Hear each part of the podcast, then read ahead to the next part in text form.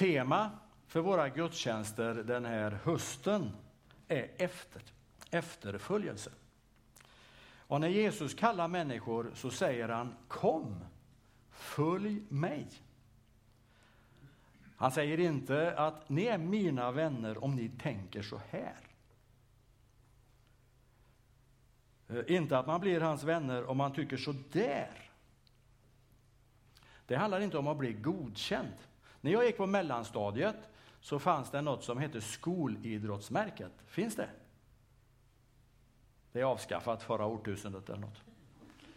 Eh, jag, jag kommer inte ihåg vilka grejer man skulle klara, men det var säkert springa terräng eller något. Men sen så var det en grej, det var kast med en liten boll. Och kast, det var inte min grej. Så att vi hade ju tränat på alla gympalektioner vi hade.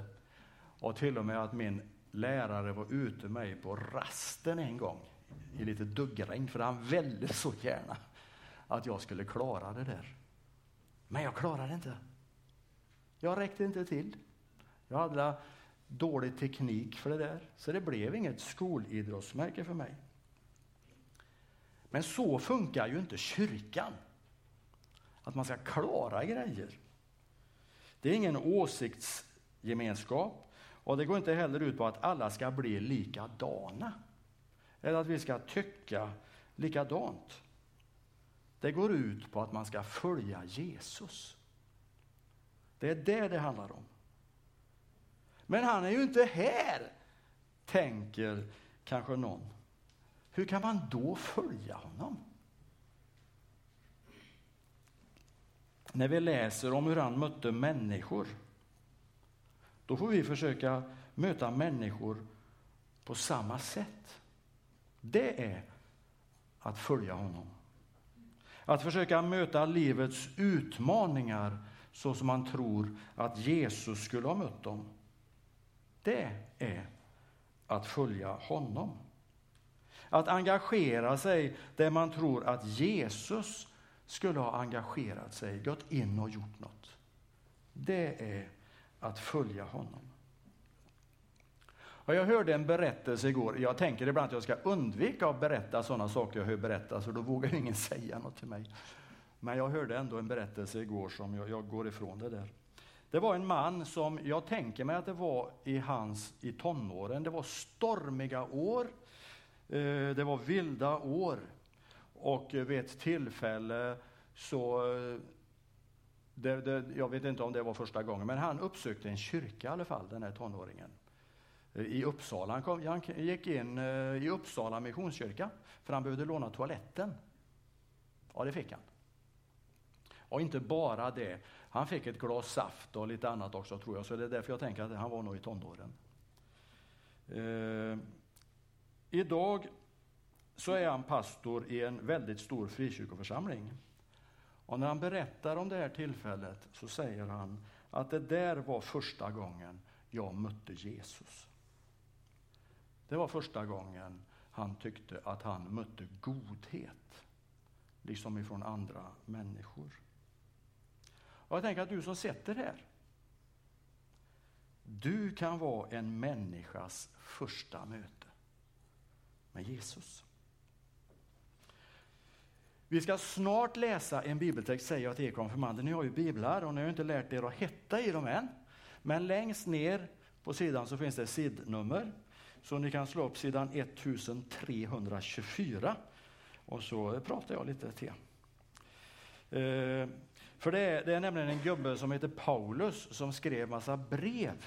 Vi pratar ju mycket om Jesus i konfirmation och sen när man kommer till kyrkan så pratar man mycket om Paulus. Vem nu det är, det är det ju ingen som vet. Men Paulus han var en som, eh, han, han hörde till en av de, eh, ja jag tänker mig en av de skarpaste hjärnorna. Eh, han hade papper ifrån höjdarna i samhället att han fick fängsla dem som tänkte fel. Så det såg han som sitt uppdrag. Han åkte runt i stora delar av det område där han fanns och så, så fängslade han folk, män och kvinnor, som var dåliga människor. För de tänkte fel i vissa frågor och lät bli att göra vissa saker. Eh, och han hade då varit, och han var på väg till en stad som heter Damaskus för att fängsla folk som han visste. De hade flytt dit, det var ju farligt i Jerusalem, så han flytt dit, så han skulle dit och fängsla dem och dra dem inför rätta. Men så plötsligt i en syn, eller vad, han, han beskriver det, ja egentligen är det väl den som skriver Apostlagärningarna som heter Lukas som beskriver det två gånger, en gång i början och en gång i slutet, om hur Paulus får se ett sken och så hör han en röst. Och skenet är så starkt så Paulus blir blind eh, under några dagar. Det kommer en och ber för honom och så, eh, så kan han se. Och då blir Paulus istället för att vara en förföljare så blir han en efterföljare. Och nu ska jag läsa, och då är det där på sidan 1234, eller så var det tvärtom, 1324 var det ju. Eh, så är det ju en rubrik där uppe till vänster, liksom en liten bit ner. Där börjar jag läsa. Och då läser jag bara två verser. Eh, det är ett helt stycke egentligen från vers 6 till 15 och från början har jag tänkt att läsa hela stycket. Men vi har ont om tid, så jag läser de två första och så kan ju ni läsa när ni kommer hem. Du som är intresserad. Så här skriver Paulus. Ni har lärt känna Herren Kristus Jesus. Lev då i honom med rot och grund i honom, allt fastare i den tro som ni har undervisats i och låt er tacksamhet överflöda.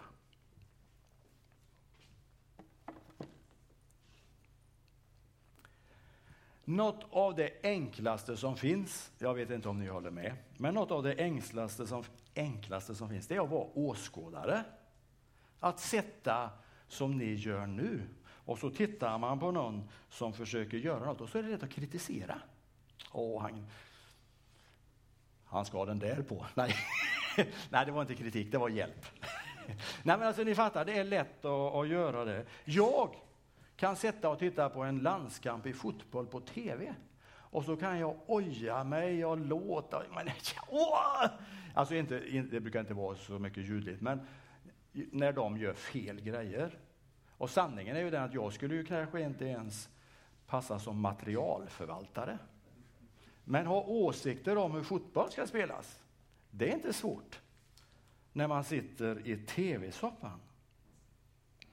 Och I den här texten jag läste så är det som att Paulus påminner oss om att vi är inte åskådare. Vår uppgift är inte att bedöma andra. Vårt uppdrag är inte att godkänna eller underkänna andra människors insatser. Och han visste precis vad han talade om, för det var ju precis det han hade hållit på med första delen av sitt liv bedömde andra, okej, okay, inte okej, okay. inte okej, okay, okej. Uh, han jagade och fängslade dem som inte räckte till. Och nu är det som att han uppmanar oss istället att träda in i dansen, som vi säger ibland. Att bli deltagare i matchen. Att göra något som påverkar utgången och fortsättningen av det som vi står mitt uppe i. Då är det inte längre intressant att sätta och titta på andra. Om inte för att själv lära sig mera. Man får titta på dem med mer erfarenhet och försöka efterlikna dem. Det Paulus gör i fortsättningen av den här texten, som jag bara läste två verser av, är att beskriva Jesus. Och så säger han, det är honom ni ska följa. Det är honom ni ska efterlikna. Det är honom ni liksom ska försöka rätta er efter. Och det är därför vi har Bibeln. Det är därför vi läser den och funderar på vad det betyder för oss. Och det är därför som jag gärna vill läsa texten ifrån den som ligger här så det syns att det inte är en, eh, ett utställningsföremål. Utan att det är något vi verkligen använder. Och det kan bli ett problem om jag läser Bibeln för att fundera över vad det jag läser innebär för dig som sitter här. Om jag försöker leta upp ställen som säger att du har fel. Nu gör du fel. Den troende läser Bibeln för sin egen skull. Den troende ställer sig frågan, vad betyder det här för mig? Finns det saker i mitt liv som jag borde justera? Som jag borde ändra på? Efterföljelsen handlar om att följa Jesus.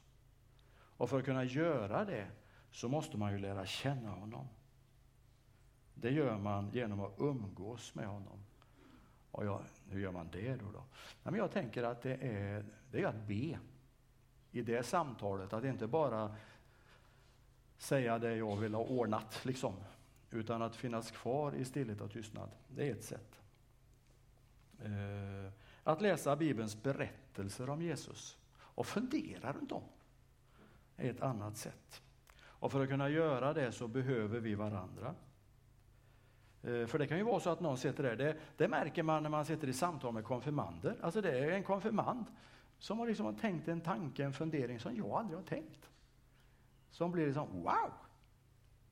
Och tvärsom kanske. Ibland är det har jag sett något så någon annan tänker men det har inte jag tänkt på. Eh, texten jag läste, jag är snart klar nu, eh, så, så skulle man kunna översätta, den är ju skriven på grekiska, Eh, och så är den översatt till svenska och det är ju alltid sådär lite hur man översätter. Men man skulle kunna läsa också, översätta så som ni har tagit emot. Det står ju lärt känna i texten. Men så som ni har tagit emot Herren Jesus Kristus, så vandra i honom, skulle man kunna översätta. Eh, fast rotade och stadigt grundade. Alltså är man rotad, då växer man som en planta. Är man stadigt grundad, då är man mer som ett hus. Så han växlar mellan två bilder. Och jag tänker att, eller kort och gott så säger han egentligen, lägg ditt liv i Jesu händer och gå vägen framåt tillsammans med honom.